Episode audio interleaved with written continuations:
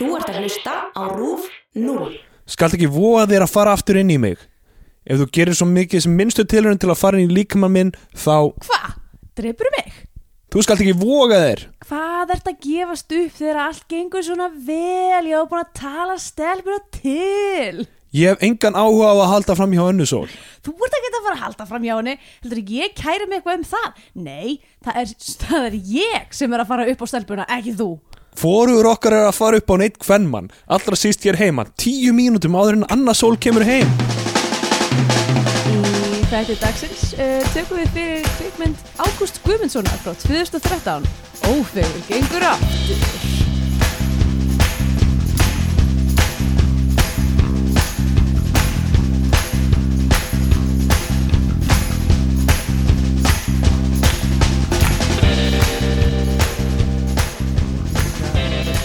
Sunset Strip. Jæja, við erum sæl og blessuð og velkomin í Bíó 2, hlaðvarpið um íslenska kvikmyndir. Sjálf heiti ég Andra Björk, en hér með mér situr Stendugrutar Jónsson. Góðan daginn. Hæ, herru, jæja, 2050 þátturinn okkar. Já. Um, kvart öld. Já, en samt, ég held að við ættum að, ég held að, hérna, mæla, uh, mæla þetta í sérst hvað, þú veist, prósentum eiginlega. Já. Hversu langt við erum komin í þessu verki okkar. Já, en við erum alltaf ekki með fullkominn mæli á það. Sko. Nei, að Þú því veist, það er bætast myndir við og, Já. svona, og við erum ekki alveg búin að ákveða nákvæmlega hvað hvað fellur flokkast undir já, einmitt. íslenska myndir. Þyrftum eiginlega að fara að leggja niður línundar hvað þetta varðar. Já, um, fara yfir e- e- eins og þau við ætlum að byrja að horfa á ævintir á norðurslóðum og föttum að þetta voru eiginlega þrjár Stuttmyndir. stuttmyndir frá Grænlandi, Færiðum og Íslandi það er ekki beint íslensk kvikmynd Nei, eiginlega ekki. Eða getur ekki svona- tróðið saman þreymur stuttmyndum og kalla það kvikmynd Já, og hvað þá gefið í, þú veist, af hverju, því þetta er grænlenskt, færist, Já, íslenskt, af hverju ætti íslenskt að vera eitthvað svona yfir. liftaði upp einhvern veginn. nákvæmlega. Þetta, þá getum við alveg fjallað um Mighty Ducks D2 Mighty Ducks Herri, ég tók eftir því um daginn að hérna uh, inn á sagt, listanum yfir, yfir íslenska kvikmyndir á kvi- kvikmyndavefnum kvikmyndamiðstöð er Breaking the Waves. já, já, ok um, það voru íslenski framleitur á, henni eða? Moské, ég er ekki alveg viss en, en þú veist, þetta er Larsson Trier myndið ekki? já, Já, allavega, Breaking the Waves er á þessum lista sko. ég, ég myndi ekki gútira það sem íslenska mynd sko. nei en það var, í- þú veist, eins og þau vorum að tala um að taka Baltasar februar Já, og taka allar Hollywood myndinans Baltasars fyrir Já. Um, þú veist, það var alveg gaman að taka svona einstaka, þú veist, excursion íslenskra leikara yfir í til útlanda til útlanda, Mhm. þú veist, Annie Dubrim í Journey to the Center of the World eða hvað það Fraser. já, með Brendan Fraser um, og já, náttúrulega Marie Ellingsen í D2 Mighty Ducks Er hún með stórt hlutverk? hún er alveg með ágætti screen, screen time sko. Er, hún er, mér minnir hún sé mjög langt sem ég sá hann, mér minnir hún sé svona eitthvað love interest fyrir Emilio Estevez Nei, já, ég held það. Mari ég Ellingsen gæti verið að. Sky Dog.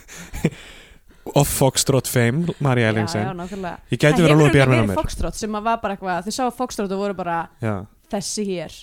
Hún verður í Emilio Estevez í 2 um, uh, Yngvar E í K9 The Widowmaker. Já. Er hann ekki búin að vera meira en einni? Var hann ekki líka ykkur öðru? öruglega uh, Gísli Örn í Prince of Persia. Gísli Örn sem er einmitt í Ófegur gengur aftur sem við heldum að ræða í dag. Já, býttu, er hann í Prince of Persia? já, með Jake Gyllenhaal. Já. um, Segir maður Gyllenhaal? ég, ég veit það ekki. Herru, Ég segi alltaf Gyllenhaal. Gilli, Jake Gyllenhaal. Uh, Kristjana kjærastan mín var einu svona að vinna á hinnum Fróma Bar Square.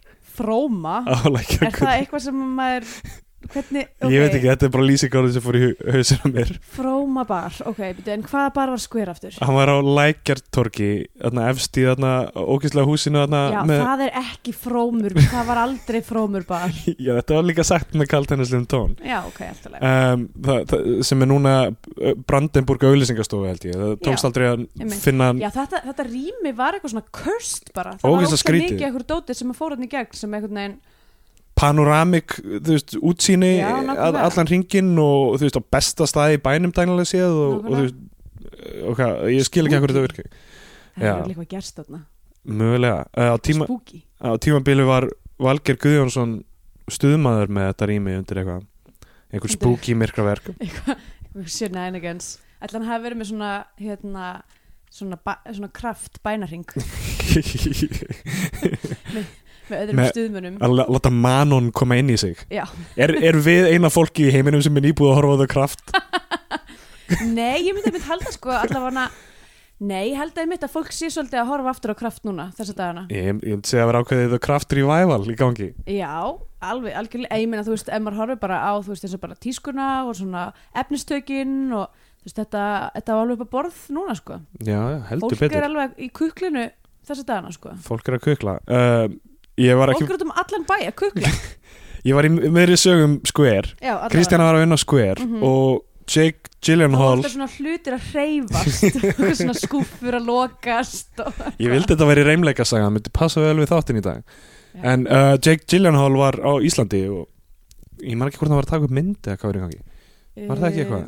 Já, getur vel verið um, og hann borðaði þarna og Kristjana er svo mikil aðdáðandi Var skver ma með mat? já, með, ma með matatíðumbili og var svona, þú veist, svona sushi samba típu vibe eitthvað held ég ég myndi ekki trista matnum á skver þetta er, þetta er, já, þetta er fyrir alltaf síðan sko og, mm. um, Samsumæður já, og hérna Og hvernig var svona Hvernig var svona innréttað? ég, veistu, ég held ég við bara kannski svona einu sem komið ákvað inn ég, nei, ég, ég man ekki, ekki þegar þetta var matsölustæður sko. um, en þetta, þetta var svona var flott rými þetta var svona, þetta var svona eins og hes, eh, þetta var svona eins og skeifa svona, eins og hestskeifa já, svona horse, ég ætlaði að byrja að segja horseshoe veist, Já. ég, ég tala örgulega meiri ensku ég tala örgulega meiri oh en my god, íslensku oh my god daglega. ok, ég verði að pása þessu sögu Ok. okay. ég, var, ég, átti, ég átti eitthvað svona breakthrough í gær ok, með heilan minn þar sem að ég var ok, þetta er að vera umilegt þegar ég segi þetta ég var að hérna uh, þrýfa kattasandin hjá, kættin mínum og ég setti á mig svona uh, svona latexhanska og á pakkanum stóð handsjúa eða handskór. Já. Og ég hugsaði er íslenska orðið handskar handskar er það bara eitthvað skonar er það handskór? Já, er, er, er, er, við, erum við bara búin að ganga dum að segja handskór allan annan tíma? Já, ég myndi að, þú halda veist, handsjúa er þú veist, það. já, já, upp þeir með finnustu þýsku orðum sem ég veit. að kalla það sem eitthvað sem maður setur á hendurnar sínar skór fyrir hendurnar. Er bara svo ógæslega fyndið. Eins og hérna smokkur er uh, svandsjú ha? nei það er ekki rétt en, Æ, en það væri gaman eða það væri það væri mjög gaman. tippaskórin þú voru að setja ok, það var gæi á hérna, það er sérst Facebook-hópur sem heitir Fríu Stöf Berlin hérna í Berlín, þar sem að maður getur feng, eða sérst fólk auglýsir að gefa ókipis hluti uh, eða óskar eftir að fá ókipis hluti. Um, ég verður auðvitað til íslenskur hópur sem er alveg eins. Allavega gefins, allt gefins. Já, gefins allt gefins, það er rétt. Uh, Það er fínustu hópur. Um, Allavega í Fríastöf Berlin í gær þá var einhver gæi sem postaði mynd af rísa kassa af smokkum og var eitthvað 130 smokkar gefins þeir passa ekki á mig. Úbúi Jep.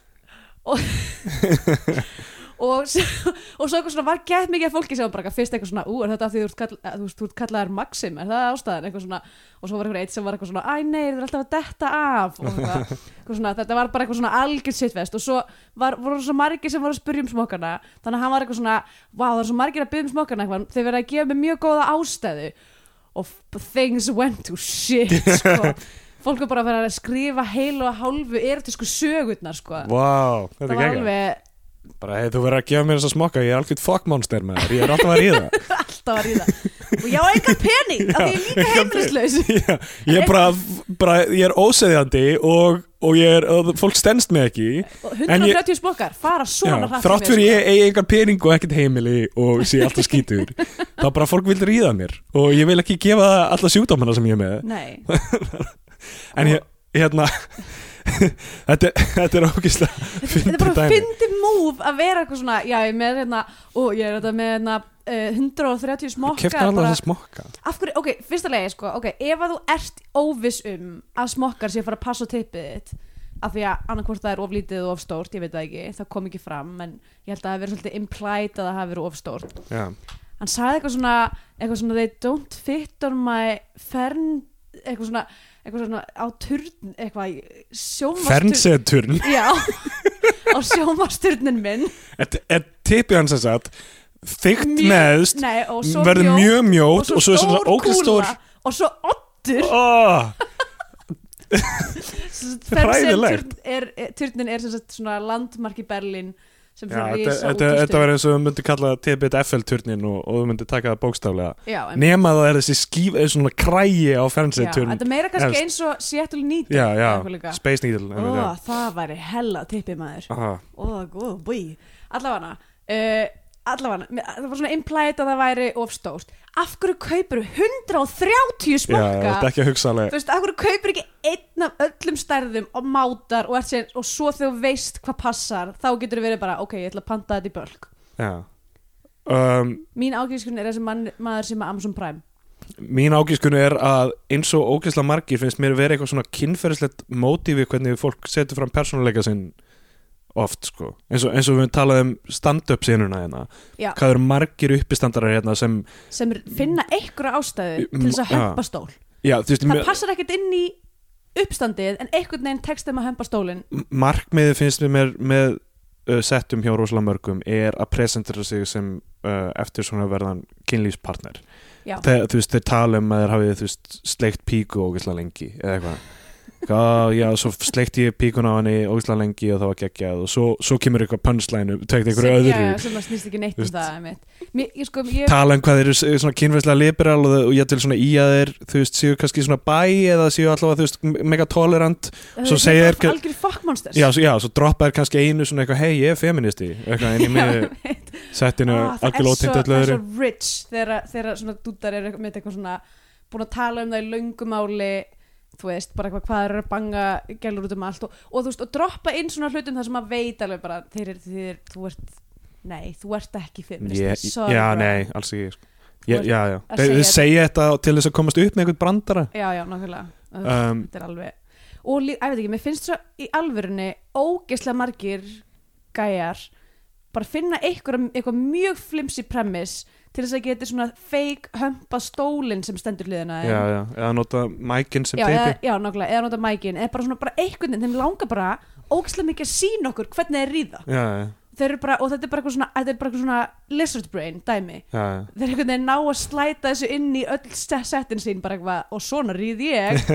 Það nota mækin til að sína ykkur Mér finnst að það var mjög fráhrindandi uh, að því að þú veist að síðasta sem ég vil þegar ég er að sjá stand-up er að mér, mér líði eins Að og einhver sé að sel gráður. Nei, ég er náttúrulega mjög græður því ég sé þess að gaura og ég er bara, bara að fara út. Ég, ég er bara fyrir beint á frí og stöfbelin til að reyna að kaupa smokka.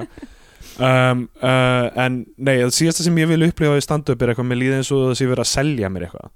Já, það sé eitthvað að vera, þú veist en það er ekki verið að selja þér í flestum tilfell Nei, nei, nema, nema, uh, nema þeir presentir sig sem, sem tvíkin eða einhverju leiti sem þeir gera snundum mm um, En uh, varandi skver þá hérna Við vorum að tala um Jake, Jake Gyllenhaal. Þá úr Prince of Persia með Mhm. Gísli Erni Garðarsinni þá uh, var Kristján svo mikill aðdáðandi hans að hún tók servétuna hans í eftir að hann var búin að borða og á hana ennþá Í alvöru? Ég gæti verið að hún hafi fluttað með sér til Berlínar, ég er ekki alveg viss. Ok, hún gæti verið hérna einhvers staðar í kassa. Hérna Ég var að vonast að það myndi vera aðeins meira spennandi saga heldur en, mér, finnst þetta áhugavert. Ok, þetta er þetta mjög fyndið. Hvernig hu- hugur uh, stúlkum tvítugt virkar. Já, meinar, já. Já, kannski hún nefnilega, 22 hérna, tíma. Þekkistelpu sem að var líka á Íslandi á saman ég ætla bæði vegi að segja eftir allar þínar sögur. Ég var að vona að þetta er áhugaverðari saga hérna uh, einstelp sem ég þekki uh, hún var á öðru kaffehúsi í miðbænum sem heitir Londromat kaffe að, fá sér að borða. Og þegar hún var að borga þá er Jake Gyllenhaal fyrir aftan hana. Hann er út um allt. Hann er út um allt þessi gæi. Og hann hérna byrjar að tala við hann á vinkurinnar og hann spyr hana hvort hún vilji koma á date með sér. Ó, og hún sagði nei. Á, og fór. Strunsaði bara. Nei, nei, nei, hún var bara eitthvað ómögulega takk, bye. Bara, og bara og svo se- segir hún okkur á sig ég er bara, hæ, fyrir ekki, Júlía, spólaði hans tilbaka sagður nei? Varst það föstu? Nei, varst það ekki föstu. Akkur sagður nei? Akkur myndi maður ekki vilja fara á date með Jake Gyllenhaal? Já, ég veit ekki, mér finnst það sætir Já, ég myndi, eða, ég myndi allavega að gera um sens ég er ekki að segja, ég myndi kannski fara á þú veist, á mörg date skilur, kannski ef að date er hræðilegt Þú þú veit ekkert vissum að þú myndir bara eitthvað grípa í sjónvastjörninas Mm, Nei um, eða eins og eins og við ættum að segja uh, hleypa skinnsoknum hans inn í Skinn- skinnhóluna?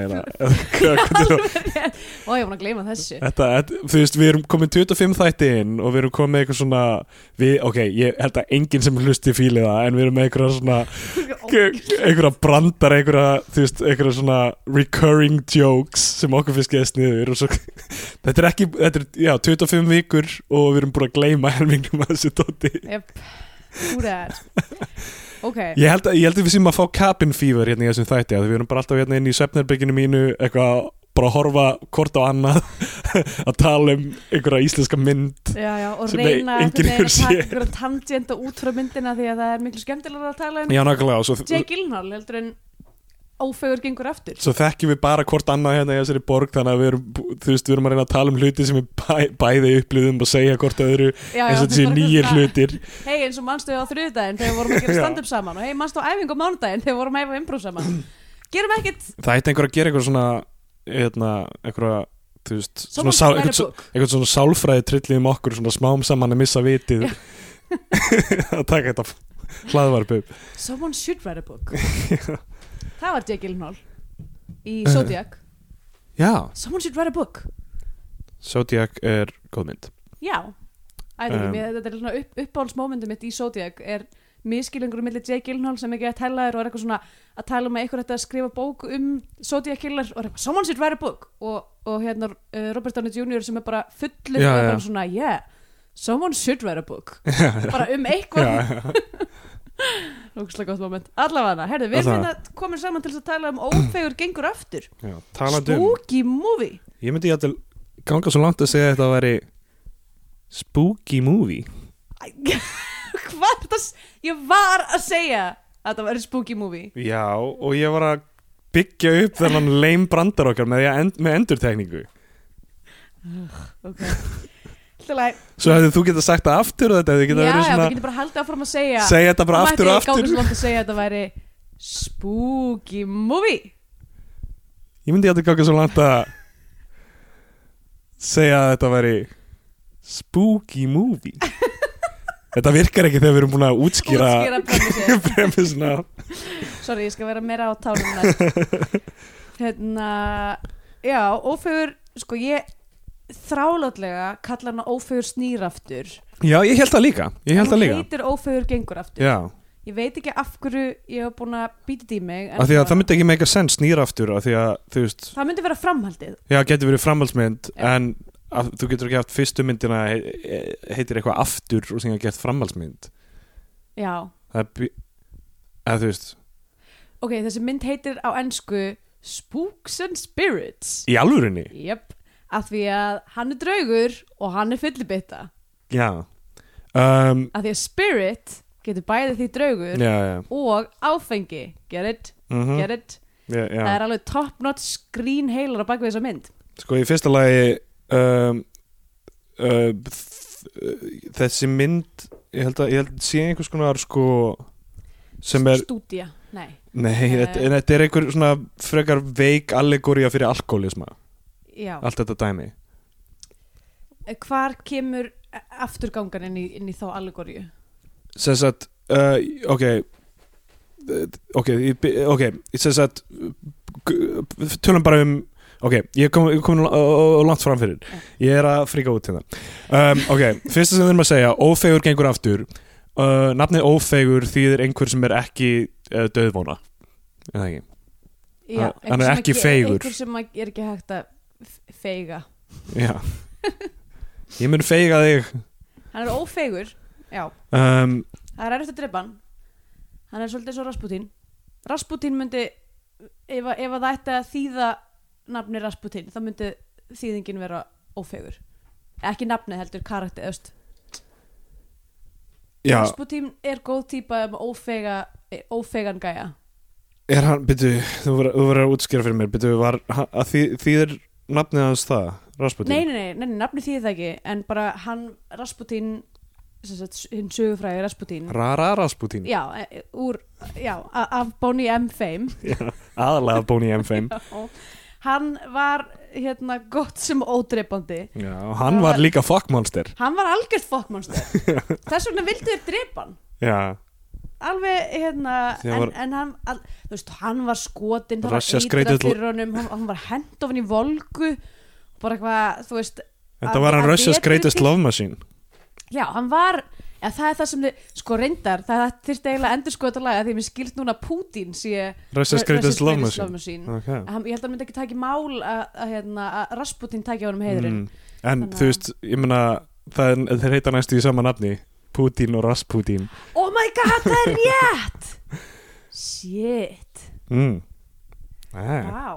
oh my god, Mm. er Putin ódreipandi líka Um, eða ætli hann sé drepandi ef að, þú veist, ef að feigur og ófeigur já, já, Putin og Rasputin Vá, þetta er þetta er eitthvað svona ramblings of a madman í gangi hérna hjá okkur þessi mynd hefur gengið mér af göflunum Já, ég, eh, já ég, mér finnst þess að ég hef mist vitið við að horfa á ófeg king, kingur aftur. Já, Um, ég, mér, finnst, mér finnst það ekki ofsögum sagt. Sko uh, grunnpremissið er það við byrjum myndarinnar eru sagt, Gísli Örn og Ilmur þau eru hjón Mhm. pappi hennar er ný dáinn og, og þau eru hugsa um að flytja úr húsinas á grættiskutunni yfir í útkörfin Þa, þarna strax sko, þarna misti ég tengingun svolítið við þessa allsögu personur og því að bara Akkur ég hver myndi vilja selja eitthvað fallegt hús á grettiskutunni til að flytja í útkverfin Já, af því að þau eru hrætt við all- allan miðbæjarskrílin þegar þau fara aðalega börn. Ugh. um, og þau eru þetta sko, þau eru hliðin á Östubæðskóla Já, nákvæmlega. Þetta er þægilegsta staðsetning í heimi. Já, þetta er fáralegt og það er bara, þú veist, það er gangfjarlæð í, í, á, á, í sundhöllina og þú getur alltaf verið að vitabar og Nákvæmlega getur alltaf verið að vita var börnin geta bara farið sjálf og vitabar. Þau þurfi ekki einu svona fyllt það- Allavega. Það, uh, pælingin, pælingin með alkoholisman sko, er að, þú veist, Latti sem er svona ófegur pappinar mm þú veist, hann byrjar uh, smá saman áttum, áttum okkur á því að hann er draugur og hann er í húsinu og eitthvað svona. Og hann var mega alkoholisti Já. og leiðin sem hann notar til að svona að tala til allavega kallmannan í fjölskyldunni er það að plata á til að drekka? Já. og þannig að þeir vera fullir og þá getur hann farið inn í það þá getur hann tekið yfir líka með þeirra. Já, meinar.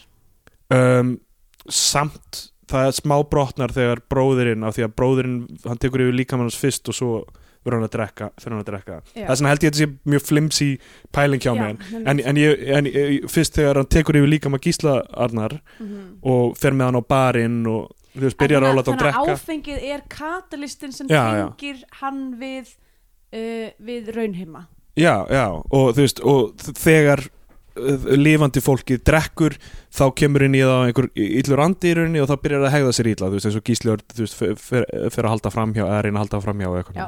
að þetta sé svona eins og áfengi sé púki í manni eða draugur í manni já, já, já, og, en, en það, það svona, svo premissa er eiginlega að henni er sleft mjög fljótt já. það, þú veist, hún er mjög veik já. en ég meina, þetta- er samt bara latti sem er inn í fólkinu já, já. og þannig að er, er, er þessi mynd að segja alltaf þegar við drekkum þá breytist við í latta og þeir taka alltaf yfir physicality og svona já, og, og rödd- rödd- ge- gera eitthvað svona þegar mungiblur Já, þegar eitthvað. Latti, Latti kemur inn í það þá byrjaði bara að setja út tunguna og, og þú veist, og augun þeirra fara á fullt einhvern veginn og eru bara eitthvað það er basically bara eitthvað ógisleir Það verða bara einhver svona um, einhver, einhver fárálega Latta eftir hennur já, Latti kemur ekkert í myndina fyrir svona hálftíma inn. Nei, ég veit það. Ég er var mjög- eiginlega svolítið þakklátt Já, þetta er mjög skrítið sko, þetta er, þetta er allt mjög skrítið. Um, tónlistin Ó, ég veit ekki eins og hvað ég á að byrja. Uh, það er alltaf bara eitthvað jazz tónlist alla myndina, maður hefði haldið að þetta væri spooky movie. Já, maður myndi játvel hafa haldið þetta að veri en, spooky movie. En þetta var bara eitthvað svona það er bara eitthvað, eitthvað jazzstandardar eitthvað píanoglamr allan tíman Já, uh, Karl Olgersson gerir tónlistina uh, hver, hver er hann? Hann er, uh, píónuleikarinn fyrir Improv Ísland meðal hans, Já. topnáðungi ok, En það, það sem er sko, ég pældi ekki svo mikið í tónlistinni en það sem, það sem ég hef pælt mjög mikið í gegnum þetta dæmi og horfallarist íslensku kvikmyndir mm er hversu vinsælt það er að fá einhvern einn tónlistamann til að gera mynd, tónlistina fyrir alla myndina -hmm. og ekki svona eitthvað svona Hans Zimmer style þú veist, hafa eitthvað undirliggjandi svona eitthvað, þú veist, lúmst í gangi, já, heldur bara hérna þú veist, við þurfum að bara fá fullt af lögum frá þér Já. og þú veist eins og var í uh, er í bakk, var snorri. Í sveitabrúðkaup já, bakvar snorri, það var bara fullt af snorralögum. Í sveitabrúðkaup þá var eitthvað band sem ég ekki hvað heitir, sem var, það var agalegt. Uh, eitthvað erlend band. hétt eitthvað eitthvað, Moldy Peaches já, eitthvað moldy peaches. Eitthvað harmoníku glamur alla, alla myndina. Já, í, í staðin fyrir, þú veist, eitthvað fá einhvern til að gera kvikmyndatónlist sem er svona, þú veist ok, og núna við eigum eftir að horfa á einhverja nokkra myndir þannig að við hefum ekki sé- séð neitt sem, þú veist, Hildur Guðnóttur gerir tónlistinni eða eitthvað þannig. Um, um, en hafa eitthvað sem er svona, þú veist, atmosfærik og setur stemninguna. Og svo hafa einstaka lög sem, þú veist sem eru kannski einhver poplög eða þú veist, eitthvað sem, sem se, Já. breytir stemningun í öðrum atriðum. Þar sem við fáum einhvern svona einhverja vikstverkun, já, já. þessar venjulegu stemningu og síðan eitthvað sem sker á hana sko. mm þannig en þú veist, oft er bara hei, við okkur vantar tónlist, fáum bara einhvern veginn til að gera hana. Já, var ekki slow blow í ykkur Jú, Slow Blow var í því sem við horfum í, í Brim. Einmitt. um, Slow blow gerðu gerðu þau ekki líka, þau líka tónlistina í Nóa Albinóa, var það ekki eitthvað Jú, jú, það af því að Dagur Kári er í Slow Blow. Eitthvað- Já, ok, ah, þá skýrt það. Þannig að hann, hann fær þetta frýtt örglega Nei, hvað heldur það? um, hann getur alltaf að gefa eftir sinn hlut uh, sko. Ok, þannig að sérst, já, plottið er í, í, í, í stuttumáli uh, það er par sem vill flytja úr miðbænum en pappin sem er dáinn og er að ganga aftur vill ekki þau flytji úr miðbænum. Hann er alveg fram og tilbaka með hvað hann vill í Já, reyndar, hann er ekki já, hann vill ekki þau kaupi nýtt hús og hann, hann vill ekki deyja og fara og eitthvað svona. Já, þetta er allt mjög, mjög shaky.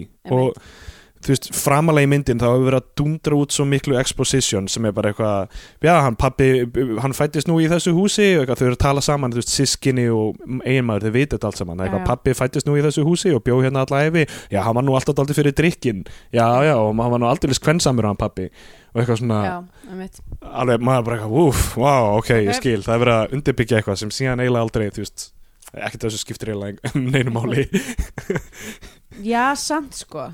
ekkert um, Nei, já, æ Sko þessi undirbygging fór ekki sérstaklega mikið í tjóðan á mér. Um, ef ég segja eins og er. Ekki, ekki, ok, ekki, í, ekki miða við aðra hluti sem gerðist í myndinni sem fór sér í tjóðan á mér. Um, Mér langar að segja eitt, eitt mjög jákvæð Já. Haldur og Geirhars er algjör on, on fire í þessari mynd. Já, hún er mjög góð. Það fyrsta sem hún gerir, hún er miðill og veist, Ilmur fyrir á miðilsfund og Haldur og Geirhars fær þú veist, miður við komum fær afleitan texta til að vinna með þessari mynd. Mm hún er þarna í eitthvað, einhverjum transi að channela einhverja, einhverja anda og Mhm. það er bara geggjað. Já, hún er bara á fullu og, og þetta er bara mjög skemmtilegt. Hún er líka að rocka feitt lúk Hún er að rocka sko. geggjað Hún er með einhvern rosalega topp og svart hár og einhvern veginn. Já, hún var mjög, hún var eiginlega Já, hún var einhvern veginn líka bara Sko, ég hef á tilfinningun að hún hafi actually stúderað svona típur, sko að því að sérst í myndinni er Ilmur leikona sem á að leika vofu og hún fer á miðilsfund hjá hérna, Geirharðs, sem að er að leika miðil. Já, ég held að Haldur Geirhans hafi sjálf farið á miðilsfund til þess að stúdera fyrir þetta hlutverk. Já það getur verið. Hérna-. Nei, bara allavega, hún, hún gerir þetta mjög vel og hún er veginn eini karakterinn sem, að, sem að ég, ég hafði einhvern áhuga á í þessari Já, mynd sko. hún er al, alveg svo einu sem er skemmtileg. Um, Sko, þetta dæmi með þetta leikrit sem Ilmur er í Hvaða tilgangi hljó, hljó, þjónaði það eiginlega engum. Ilmur er samt, við erum alltaf að sjá skot af henni í leikriti sem fjallar um miðil og drauga mm þar sem Edda Björgvins er miðil er miðil og Hilmir Snær er einhver maðurinn hennar.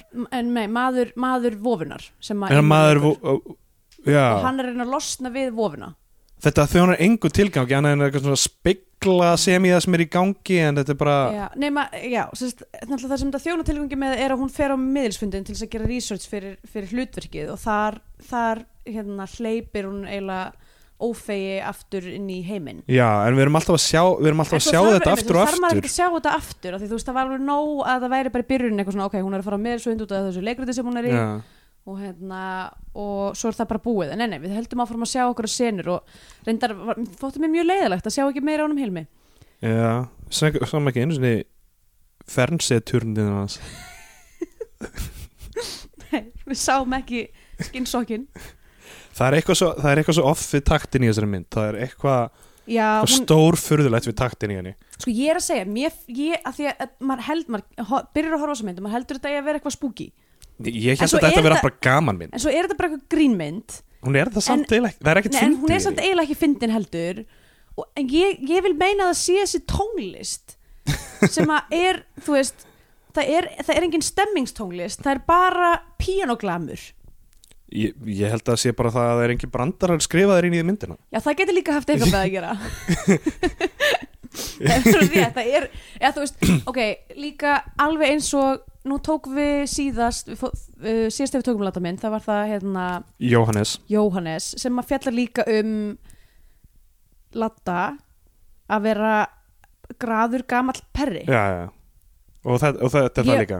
sko, og núna, nú er ég bara að spurja er, er að því að þú veist, ég, kannski er ég ekki í tengslum við Í- Íslands, Íslands samfélag. Að því ég bý hérna út í Berlín og einhvern veginn, þú veist, er ekki búin að vera eitthvað með puttun á púlsunum um hvað fólk vill. En er einhver eftirspurn eftir kvikmyndum um gamlan graðan kall? Uh, af hverju er verið að gera margar myndir um gamlan graðan kall?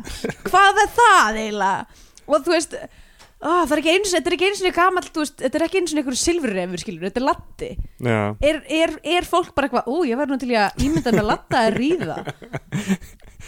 Geti, akkur fer Latti ekki bara stand-up circuitin og tekur mækin og gerir hann að tippinu sínu og rýður um ekkert stól hann myndi gera það, ég er að segja latti myndi pottið, einhvern veginn flimsili reyna að stinga inn í sitt uppstand eitthvað, by the way, ég geggjör í rúminu.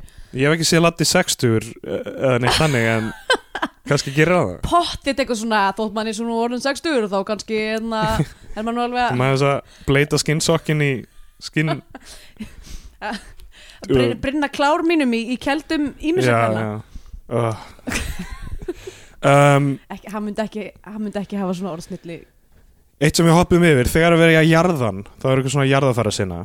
Og það er verið að sína að hann átti fullt af fyllibittum sem vini. Mm -hmm. og það koma okay, Si- Siggi Skúla og Gunnar Helga og einhver einn enn leika Mhm. einhverja mestu klísju fyllibittur einhver svona bói og örvar dæmi það sem þeir eru bara ætli þetta að vera eitthvað svona sínir boga og örvars eða? Bara ég skil ekki, er þetta eina leiðin til að leika þú veist, þetta minnir með þessu í stuttu frakki þegar bói og örvar mæta allt í einu sem er veit það. einhver sturlast að sína íslenska kvikmyndasögu háránlegt sko. Og hérna um, og þarna kom eitthvað svona klísju fyllibittur og er eitthvað svona djókast eitthvað í kringum gröfina sem svo get ekki verið alvarlegar í já, þú veist, jarðaför af því að hafa ekkert innra líf af því að Já. eitthvað svona dót og svo sjá, sjást þeir ekkert meira nema í einu flashbacki til að sína þú veist, hvað Latti var alltaf fullur og eitthvað svona einmitt. um, ok um, já, premissan að þessari mynd er orðið mjög sveitt eftir bara svona hálftíma þú veist, bara rétt þegar Latti mætir þá er maður bara eitthvað hvert allavega að fara með þetta lengra Mhm. og svo reynist það vera Og sérst- mjög erfitt að fara með þetta mikið lengra af því að þú veist, maður er bara að býða í klukkutíma eftir bara að einmitt. klári þessa sögu af fara að það bara er ekkert ring eftir ring í eitthvað í svona því sama að því Ilmur vill ekki drepa dauða pappa sinn já, en hann er alveg hann er alveg spinnegal og er að reyna að fá fólk til þess að ríða hægri vinstri og Mm. drekka hægri vinstri og svo spilar hann á píano helling Já. ok, ég hérna eitt, af því að það er alltaf svona mynd maður, það er nokkru sinnum köttað á svona mynd af honum Já. við píanóið með eitthvað kontrabassa og snelltróm í bakgruninu mjög shiningleg mynd. Uh, já, finnst þið það? já, bara svona minnir á myndina í lokinu á Shining þar sem Jack Nicholson er þarna með veislunni. Já, Já, þú veist bara svona hvernig hún er uh, sett upp það er svona hópur á fólki en þú veist já. þetta er bara svona jakkafuttin og en sko, þessi mynd myndi mig rosa mikið á uh, tríu Guðmunds Ingólfssonar já, og Guðmundur Ingólfsson var uh, annarlega fylliputta líka. Já, já, ok. Og ég svo veltaði fyrir mér hvort að annarkvort í undir miðdöndinni eða bara einhvern veginn eða viljandi að þetta hafi, hann hafi verið eitthvað inspiration fyrir hennan karakter. Ég, ég held að Ágúst Guðmundsson sé og ég var að segja eins og verð, Ma- finnst mér það ómaglegt já, ok ég, ég menna þú ert að lesa allt þetta í einhverja mynd. Ég veit Þetta Ágúst Guðmundsson bara þekki mikið til þú veist, eh, Reykjavíkur borgar og fólk sem sé henni og og svona jú, jú, kannski. Man About Town og Mhm. þú veist, draugur og inspirasjón víða frá. Um, ok, við erum að ræða þess atriði það sem, sem Latti byrtist fyrst. Það, Mhm. hann er búin að, það búin að vera eitthvað reymleiki hluti búin að reyfast, eitthvað píanóglamur eitthvað svo byrtist hann og neyður gíslaður til að drekka gíslaður sem er ekki drikkjumæður neyður til að drekka basically fer inn í hann og dregur hann á Boston lætur hann labba á Boston. Það sem Nína Dögg er, ok, við erum aðeins að, aðeins að tala um það að, sem sagt, Siggi Sigurinn Jóns er í einhverju mjög óljósu hlutverki slass, eh, sem er sem einhver yfirmaður gíslaðar, slass- slass fastegnarsali já, þú veist, alltaf að hjálpa honum bæði að selja húsið sitt og kaupa Og- nýtt hús. Já, já, og líka í að hitta hann í vinnunni. Já, þetta er ógæslega skrítið. Og hann kynir hann fyrir Nínu Dögg og það eru instant neistar þar eitthvað, Nína Dögg eitthvað allar að reyna að kaupa grættiskötuhúsi Já. svo hittast þau hann að Boston. Nína Dögg er bara einhver miðbæjar greinlega sem ætlar að kaupa húsi grættiskötu hittir hann þannig það sem, það sem Latti er inn í honum og hann byrjar að bara vera weird as fuck við Nínu Dögg. Bara creepy sturlaður að tala út í loftið bara eitthvað svona blindfullur. Já. og Nína Dögg er allan tíma bara eitthvað já ok, næ, spennandi. Nei, hún er, samt, hún er samt vandræðilega sko ég upplýði bara eins og hún væri bara þú veist, jú, þessi karakter væri bara eitthvað algjörlega út á þekju sko, af því að, af því að mér finnst hún ekki taka einhverja afstöðu Nei, hún vill náttúrulega ekki, hún vill náttúrulega ekki vera leiðileg við hana því hún vill kaupa hús en hún er að sko. daðra við hann, sant?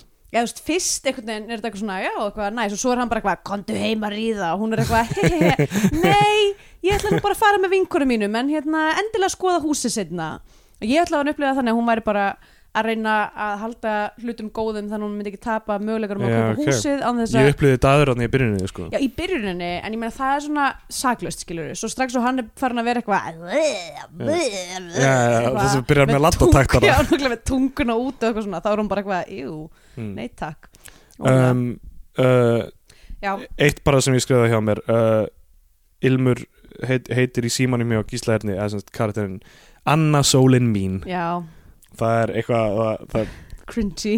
er erfiðasta sem ég sá í þessar mynd. Það var spooky. Það var um, spooky skeri Já, uh, ok, svo þú veist annað sem fyrir töðunar að mér var toppurinn á hann gísla í þessari mynd. Hann var með eitthvað fárlegan topp sem að hefur ekki verið tísku í svona 30 ár þannig að ég ég var að segja Gísli Örn er fullkomlega miskast í þessa kveikmynd Já, eiginlega. Hann, hann, þú veist og það, og það er bland af því að hann passi ekki við hlutverki og hlutverki hafi ekki verið skrifað þannig að hann passi við það. Nei, en hann er bara, þetta er bara mjög skrítin rulla fyrir hann.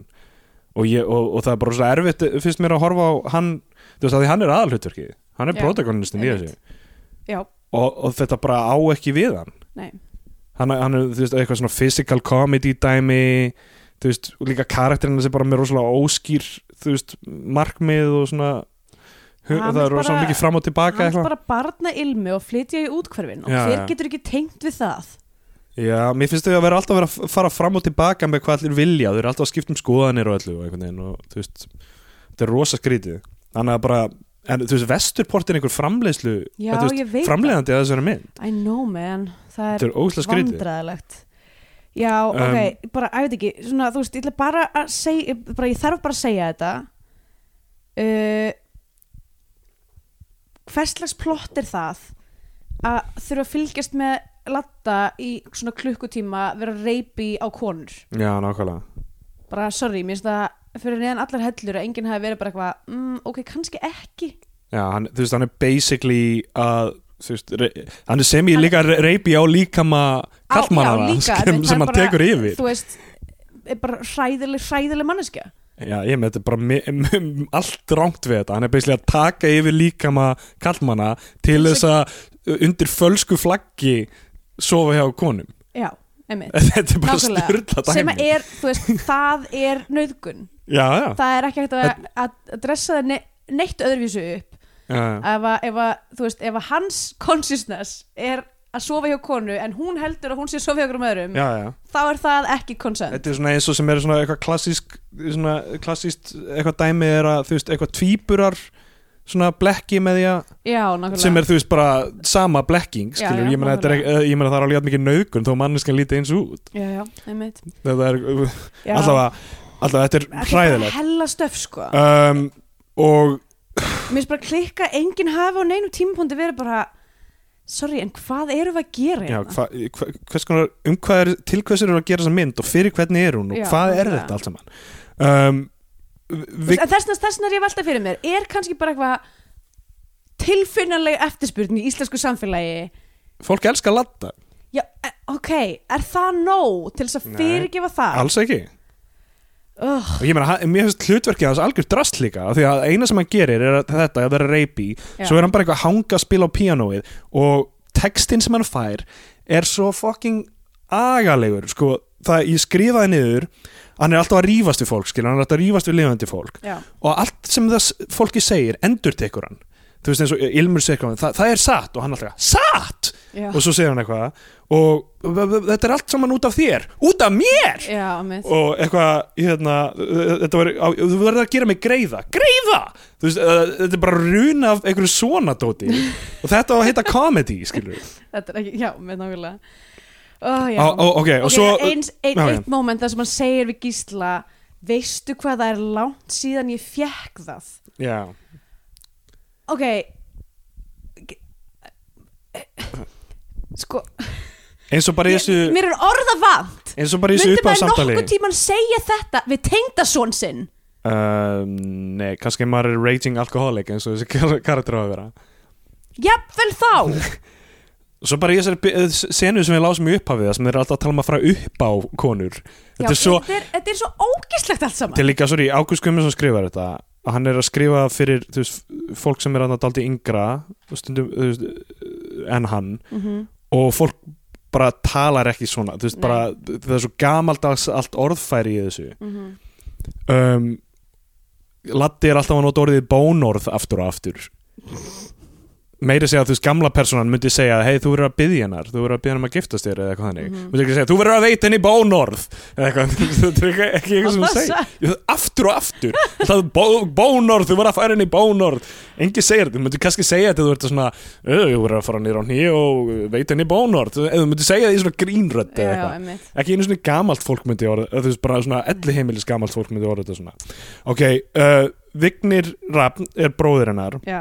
já, já, já, hann hittir pappa sinn, draugin Latta mm á einhvern tíðanpúti og er alveg pottrólegur. Hann er að hitta hann í fyrsta sinn eftir að hann dó. það er það sem ég finnst svo galið að þegar þetta byrjar allt saman að þá er allir bara eitthvað það er enginn sem er bara eitthvað ok, það eru til draugar. Já, það er enginn sem hleypur út úr húsinu skítrættur nákvæmlega. Það er allir bara eitthvað, ó ok, pappi gamli. Já, nema Gísli Örn fer til prests sem er leikin á Ágústi Guðmundssoni leikstjóra handrið sögundi myndarinnar það sem þeir ræða einhverja guðfræði fram og tilbaka í einhverja fimm mínútur okay, eitthvað. presturinn er á einhverjum tíma eitthvað svona ha, Ha, er draugur? Er það grínast? Uh, hann er bara eitthvað Þetta þetta við er ekki undir okkar verksviði. já, þetta er ekki til verksviði þjóðkirkjunar Eitthvað, Hvað er þetta að tala um? talum ok, samt geggja dæmi um hvernig þjóðkirkjan er hand ónýtt batteri þau get ekki einu sinni díla við þetta. Já, þetta er, þetta er, þetta er þeirra fucking dæmi. Já Ok, hi- hittir pappa sinn, er pallrólegur yfir þeir eru báðir, það er ekkert eitthvað, ó, sonur, ó, ég vildi ég hefði náðu kveðja þig almennilega eða eitthvað þannig, það er ekkert þannig moment, það er aldrei neitt Nei. raunverulegt moment í reyndar þessu. sko, finnst, ég verð að segja með hann er að hann var svolítið svona trúanleg típa, sko, ef við, ef við bara svona gleymum öllu þessu spooky, spooky skeri dæmi Viggi, eða? já, Já, s- sem sko típan sem er búin að er búin að fjarlægi sig úr, Já, úr já, já, erfið, erfið algjörlega. fjölskyldilíf hann var bara eitthvað, þú veist, hann drekkur ekki hann flutti í útkverfin, hann bara vill ekki neitt með þetta hafa, hann Nei. hefur bara átt erfiða æsku og hérna og einhvern veginn, já Nei. kemst fínt frá þessu hlutverki, það er, veist, það er, ekki, það er ekki málið, sko, en bara, svo náttúrulega, svo náttúrulega tekur Latti yfir líkamann hans og hann Já. fer og reynir að nauðga Haldur Geirhars um, og ok, og svo það sem gerist þannig með miðja mynd sem ég finnst alveg styrla, styrla er þegar uh, konan mætir. konan mætir, þegar Gísli Örn finnur einhverja í veist, Já, það bóksölu Braga. Haldur að gera, senda hann í bókslu Braga. Í bókslu Braga finnur hann einhverja bók um einhverja galdrastafi. Hann Eh, brýst inn í, í þjóðmennasafninu í stelur einhverjum stelur lærleg einhverjum lærleik frá miðöldum. Af því þe- þessi, þessi af því ég vann í þjóðmennasafninu það veit ég hvað kista þetta er. Já, og þetta er, þetta er lík frá uh, tóltöld ef ég mann rétt Mm. sem að fannst eitthvað stöður upp á Skaga og hérna í ykkur allavega, skiptir ekki maður er allt í henni bara svona sogaðist inn í, hérna túrgætt textan það Get ég, get ég ítt á þig einhver staðar og þá byrjar að segja þetta á frönsku Já.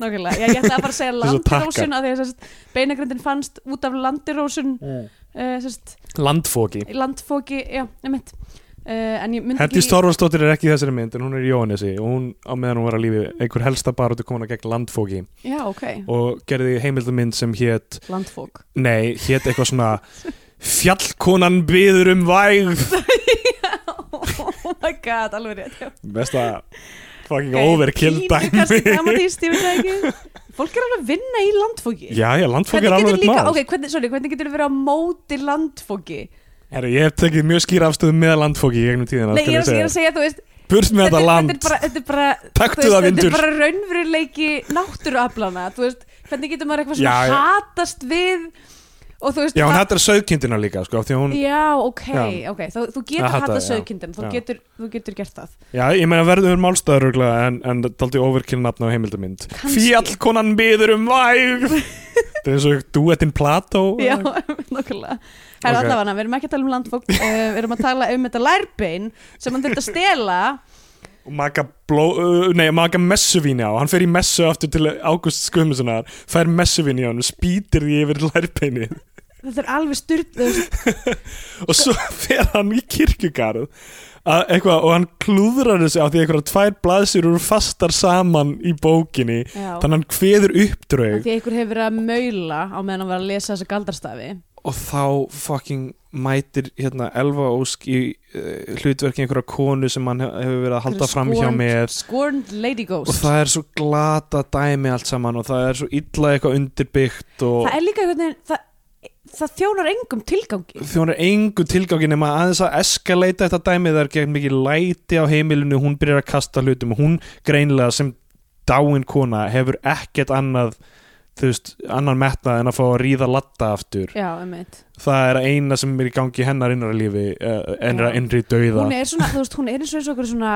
íktur þú veist, einhver svona Ibsen karakter á styrum Já. og þau, þau eru þarna eitthvað alltaf inn í stofinni hann er að spila, spila á píanóið og hún er eitthvað að garga og þetta er bara kasta gerir, mynd, eitthvað. myndina bara eitthvað að maður er alltaf bara að hvernig fer þetta að hætta allt saman Jesus. Christ og oh, uh, með hausverk sko. Já og og líka, ok, notabenni ætla líka að nefna það að þessi bók er skrifið í fljótaskrift. Og mm, Sensin Bensin að þau geti bara lesið fljótaskrift. Það, hún er ólesanleg sko. Jensen Benson Uffe Ellemann Jensen. What? þetta er einhver gammal brandari. Held að Björn Bræði hann uh, oh my god. Um, uh, sko ok. Ok, Og- eitt annað. Já við sjáum eitthvað svona SMS á milli eitthvað þarna í myndinni mm og oh, og hérna Gísli er greinilega ekki fær um að stilla íslensk liklaból á símanum sínum. Já ég sá það já.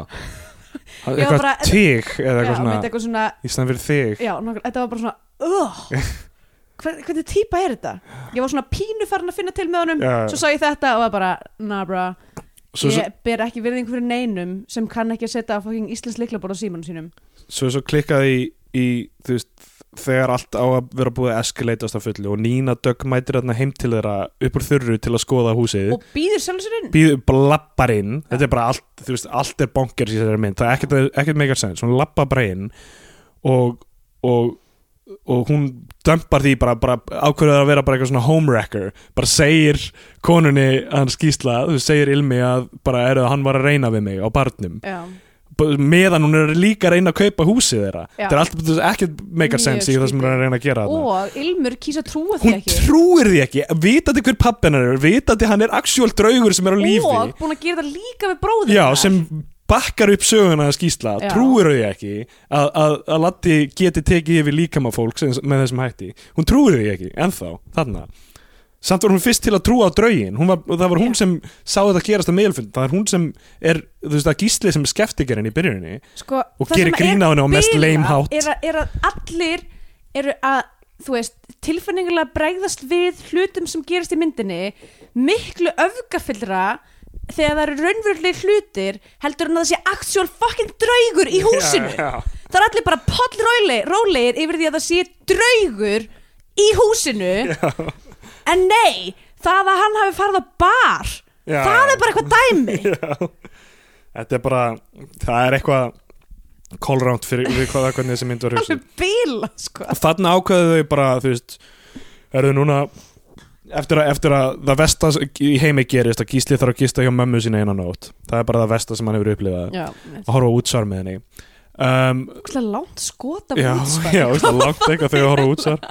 Þau eru bara hérna að drífa upp í þessar 90 mínútur eins og allar íslenska það kvikmyndir. ekki. og þeir náðu því ekki.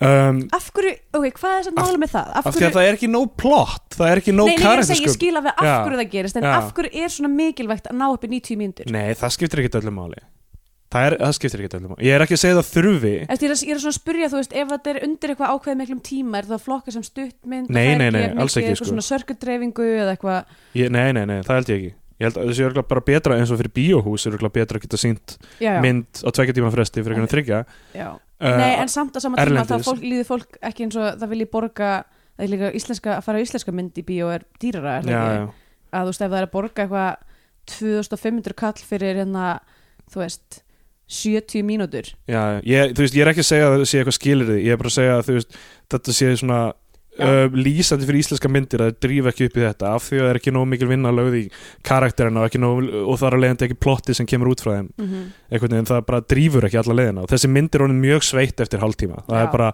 bara ok, hva, hvernig endar þetta, þetta er, það er ekkit meira að fara að gerast, augljóslega um, og það gerist ekkit basically, þú veist, nema bara eitthvað sami hluturinn áfram, Já, það er ekkit almennilegt Þau eru bara að escalation. díla við draugin já, já, bara draugurinn er þarna og svo skiptast þau á eitthvað svona fara fram og tilbaka með eitthvað við þurfum að koma hann út eða nei, eða ekki Nei, eða, byrju, þurfum við pabba. víst að gera það. Og þau ákveða þess að hveðan í kútin um, og uh, fara með hennar eða þú veist, hvað þetta dæmi úr þessari bók og þau soga spurt og þú veist, þetta er svona ilmur þetta, er, Já, allt í nú opnast bara eitthvað já, glugginn í aðra vitt já, og þau sogast inn í og einhver aðra við vín sogast inn í ykkur aðra vitt þetta draugun tveir.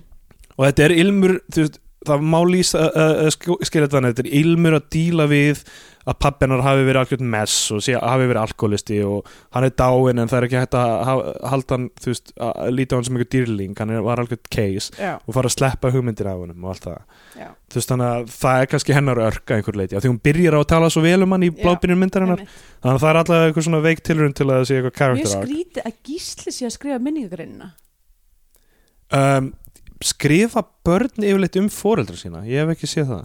Já, ok, ég, svo sem hérna, mér finnst þetta skrítin hlutur til að gera. Ef þú ert maki eða barn þá ég held ég oft en það eru oft tengdaböld held ég skrifa um. Já, ok, ég held, þú veist pappi skrifaði um, um, um, og- um og afa held ég hérna fóreldra móðum minnar ok. Akkur er alltaf þessi þannig? Ég held bara þú veist, að, þú veist fó- fólki sem er þú veist, ná, mest nákomið uh, sé að bara díla við aðra hlutin og það fara að setjast niður og skrifa held ég. Já, að halda jarðafyrun á all, allan pakkan sko. En alltaf, hérna um, já, hann er eitthvað svona að reyna að skrifa þessa minningagrein í byrjun og eitthvað, reyna að ko komast eða hvernig hann er að segja kvensamur á hann þess að ljómi illa af því að það þarf endilega að vera inn í. Já, ok, þa þannig er þetta allt búið. Þetta er bara málið leist, þau sójust inn í aðra vít. Mm og svo uh, já, heyrðu, bæði vei við, áttum eftir senuna á C is for Cookie á tískutinni Já, það sem hún segir gísla að hún sé ólétt tekur óléttu prófið upp úr töskunni bara og sýnir honum og svo kemur ekki langt skot af óléttu prófinu. Og svo, kem, og svo er svona fókuspúlað á mann í bakgrunnum sem mér að það er örglega að fyndast það í myndinni það er eitthvað svona gaur bakvið sem er að horfa á þetta þessa senu þar sem eitthvað fólk er átt að segja það sé ólétt og faðmast og eitthvað, hann er eitthvað ú, hann er bara ó, ó, ó, það var eiginlega það var algjör leinigestur í þessari, Já, þessari mynd sko. Já, um, og svo kemur bara mesta middle class Pinterest bónorð kvikmyndasugunar það sem þau eru í einhverju fjallgöngu og hann er búin að fela einhverja kampæðinsflöskur í einhverju vörðu hún og er eitthvað. ólétt. Já, að hún bara vera eitthvað að drekka kampaðinn Já, það er góða punktur, ég hafði ekki og pælt í því. Það er rétt. Kannski var þetta eitthvað, eitt glas er samt ekki fara að drepa hana skilur nei, nei, örglega ekki. Uh, en ég bara segja Já. veist. Jú, þau getur að drukja eitt glas. Ok, þau vann að fara upp á steini á eisunni Já, og hann er búin að hann, þú veist, hann er búin að gera einhvern ratleik úr þessu bónorði í staðan fyrir að vera einlægur já, Þú já, veist, ég mitt þetta er, þannig að hún er eitthvað með eitthvað, eitthvað vísubrót eitthvað að elda eitthvað ratleik. Við svo fyndi þegar, þegar bónorð þarf að vera eins og einhver páskaækja leik já, nákvæmlega. Mér finnst þetta svo hilarious concept. Finna einhverja og eitthvað. Staðan fyrir að vera bara eitthvað, tala út frá hjartanu Já, nákvæmlega. en hvað líka ef hún hefði ekki þú veist, skilið gátunar Já, líka að skrifa einhverja ferskeitlur það er það íslenskasta líka heimi að skrifa einhverja fucking Fer- um halda allir þessu skáld og eitthvað já, já, að að geta skrifað einhverja Ok, tjastla saman við erum einhverju samt ekki að tala um mikilvæga hlutin í þessari senu. Nei, mikilvægasti hlutin í þessari að senu. sko, ok, sem sagt hann, hún eitthvað tekur upp ringin og hann er eitthvað, viltu giftast mér, hún segir já og þau eitthvað svona faðmast. Og þá þá heyrum við eitthvað svona lattahlátur eitthvað svona eitthvað. Og, og þau svona lítið kringu sig og er eitthvað, nei það getur ekki verið. Og halda svo að knúsast. Og svo horfir gísli á eitthvað ský. Ég tók screenshot af þessu, við setjum þetta á Facebook síðan okkar. Ah, þetta er svo sólin í Teletubbies. Latti er eins og sólinn í það er búið að Teletubbies. Photoshopa glottandi latta inn í eitthvað ský. Og það er ekki eins og búið að animita skýið sko. Skýið er bara Já, þetta- photoshopað inn á hann ramma. Ah, þetta er svo bilaður. Og þetta er endurinn á Þetta er myndinni endur, nei, já, og svo náttúrulega þegar kreðlistin byrjar að rúla þá syngur Latti eitthvað lag. Já, og er með eitthvað þrjá engla með sér. Já, í, á bakrautum Latti Oh. bara eitthvað að spila píano og syngja lag um Og hans í lagið- dauður. er um eitthvað að hann sé dauður en hann vilja ríða. Já, basically, sko eitthvað þannig, þetta, þetta lag er bara eitthvað svona, já, ok, mér leittist þessi mynd og svo eitthvað, já, hérna er svona uh, the cherry on top brúsinan í pilsuöndanum annað, einhver lei, annar leiðilegur hlutur hann að syngja um um plottið og, og kartinu sinn sem var hræðilegur. Oh. og glottandi og Oh mugging in the camera ég get ekki ég get ekki það oh, ég skil ekki ég skil ekki akkur fólk vil horfa á þetta ég skil ekki akkur fólk vil horfa á Latta um, ég held að Latti sé, þú veist, hann getur alveg gert góða hluti. Ég held að Latti getur alveg gert góða hluti. Ég man ekki eftir henni í augnablikinu en ég held að geti það alveg. nefnilega ekki. Um, eina sem ég man eftir er bara hann að vera perri, rapey eða rasisti. Já, ég meina það er daldið svona það sem okkar kynslu hefur séð á honum, það er það sem hefur lífað eru karaktera sem eru daldið daldið subbulegir sko. Já, og þú veist, hvað Da- gerðist Latti? daldið mikið að- hérna, mikið að spila þú veist líka svona spila svona einhverja vittlýsinga og svona eitthvað alls konar eitthvað svona dót sko.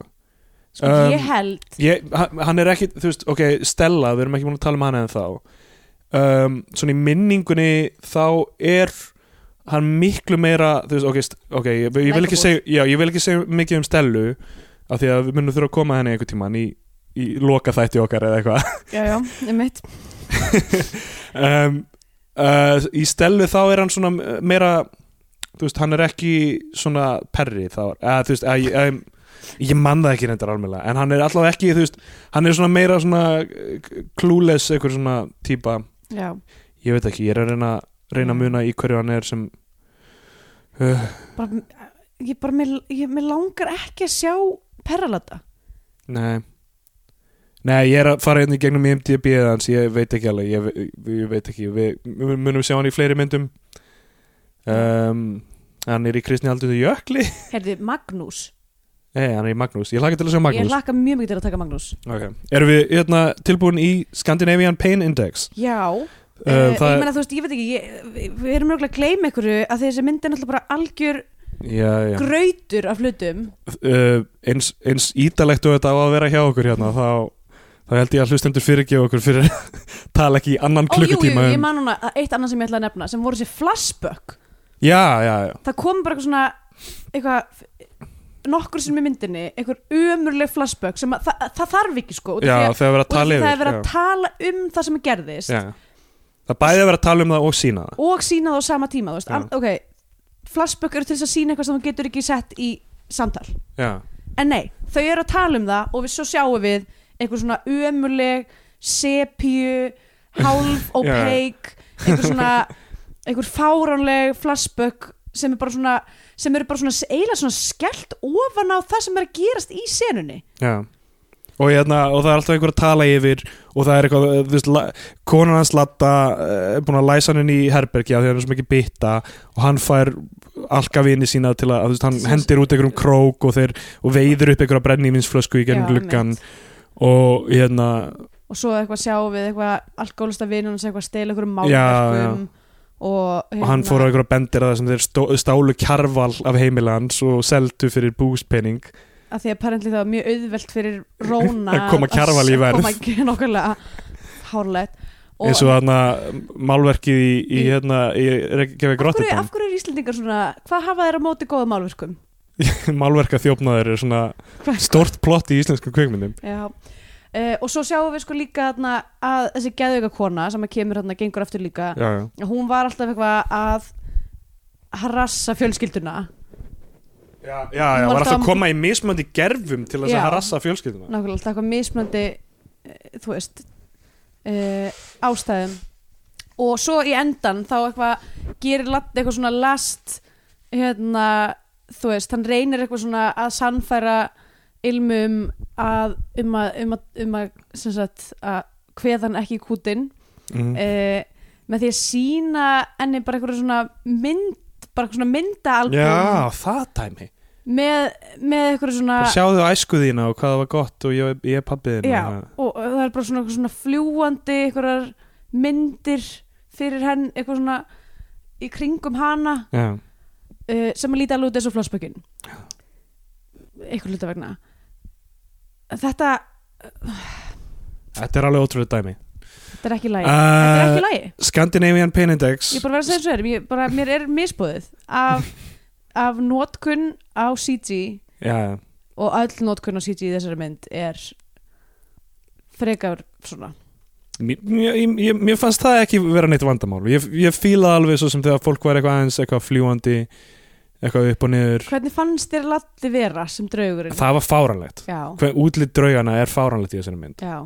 Þetta Kannski- er svona eins og, þetta er svona eins og sko, sko Ghostbusters gerði þetta betur. Já, algjörlega. Það er fyrir, þú veist hvað, Mhm. 30 árum eða eitthvað? Já, já, það er 80 eitthvað, já, Já. Það er, já fyrir 30 árum Ghostbusters gerði það betur. Já, ég veit ekki, þetta er alveg bara allavega, SBI There is no Latti, there is only Zool Já, uh, ég meina það, það er verið að taka yfir hérna líkama. Já, algjörlega. I am the geggjað ef, ef, gatekeeper. ef I am the keymaster. Já,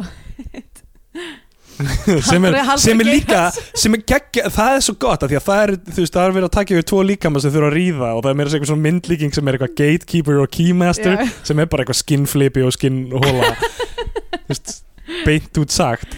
Já, Úslega gott dæmi? Uh, Já, Skandinavian Pain Index er sk uh, skalinn sem uh, fjallar um hversu mikil hrigð og volæði er í myndinni á, á svona norrænan máta. Já, emmitt um, Það er alkoholískur faðir. Það er sko, Brotið heimili. telur saman hlutina Já. það er, það er draugagangur, það er rosa íslenskt að vera með eitthvað svona töfrarömsi Töfrarömsæ, og það er alkoholísku faðir það er eitthvað svona framjöhald í fortíðinni og, miðilsfundur og, og bara, já, nákvæmlega, það er alls konar en þannig að auðvitað er, er myndin ekki, þú veist Eitt sem um, þetta minnir mig á uh, átti ekki að vera eitthvað að nýja húsinu líka?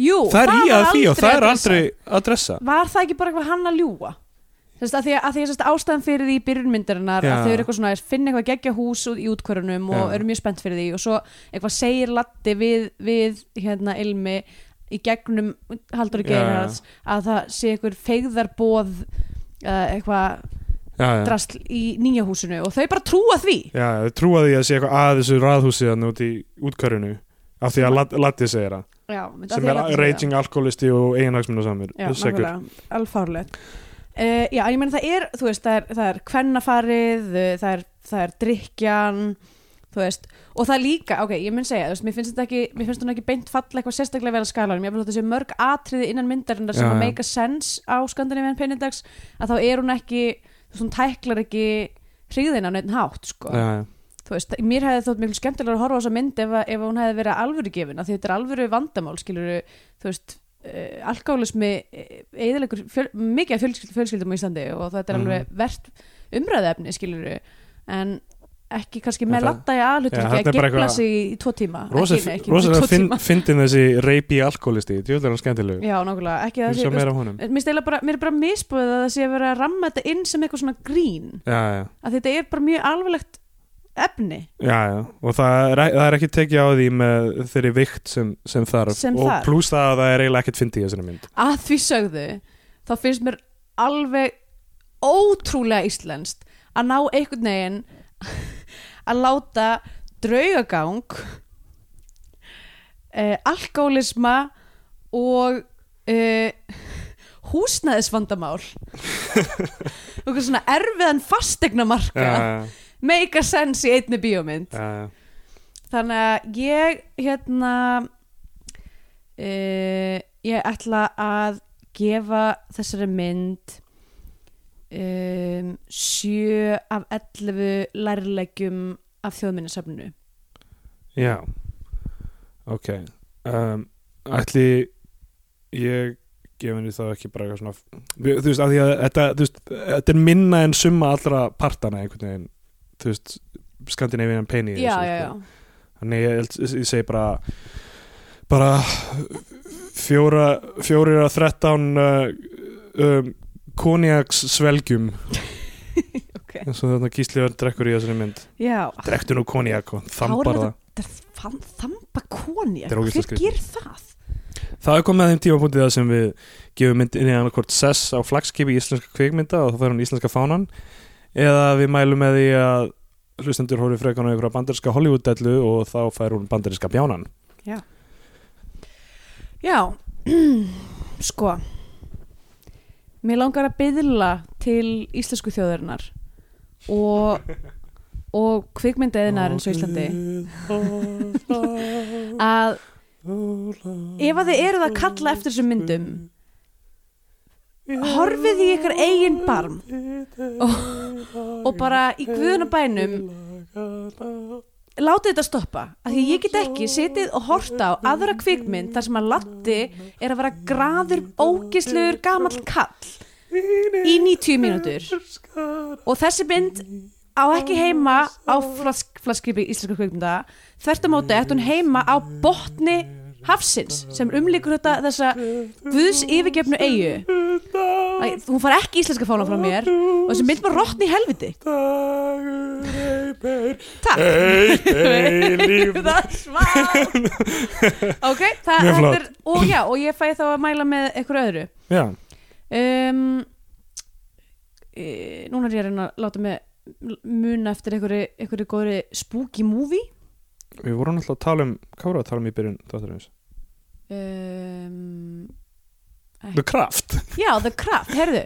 Spooky movie par excellence. Já, uh, Holds Up. Holds up bara, hún er, hún er skemmtileg. Hún er með Ógeðslega er skemmtileg. með, hún er með óverulega uppbyggingu.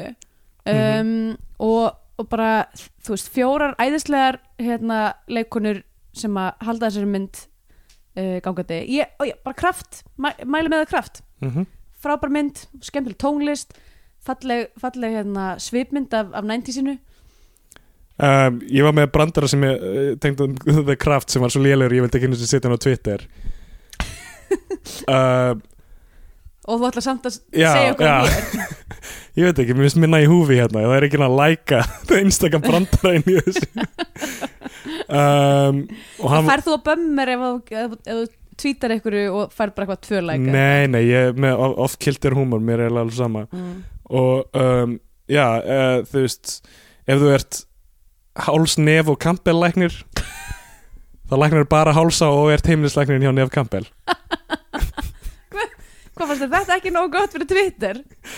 Hvað kannski er þetta nógu gott fyrir? Twitter. Twitter er alltaf ruslahaugur mannkisuguna Já, um, þá er komið að mér. Já ég ætla að segja, ég fagna þessari premissu að tilraun til að gera mm, einhverja gamanmynd sem gerist í einhverjum e, svona liftum raunveruleika, einhverjum svona flóknari, það sem eru afturgöngur, eitthvað þannig dót þetta er, þú veist íslenska kveikmyndir, ég hef oft sagt að það taka ekki nóg miklar áhættur Mhm. um, þessi mynd gerir það með þessa grunnpremissu en allt annað hrínur allt annað er vonlaust í þessari mynd. Og hún er bara, hún er bara algjör hörmung frá að til auðveila það m- Halldóra Geirhars í byrjun myndirinnar þá hugsaði ég bara já, þetta er, ég gæti ég mælt með henni bara til að sjá, Sjá, sjá já. miðilfundin þar.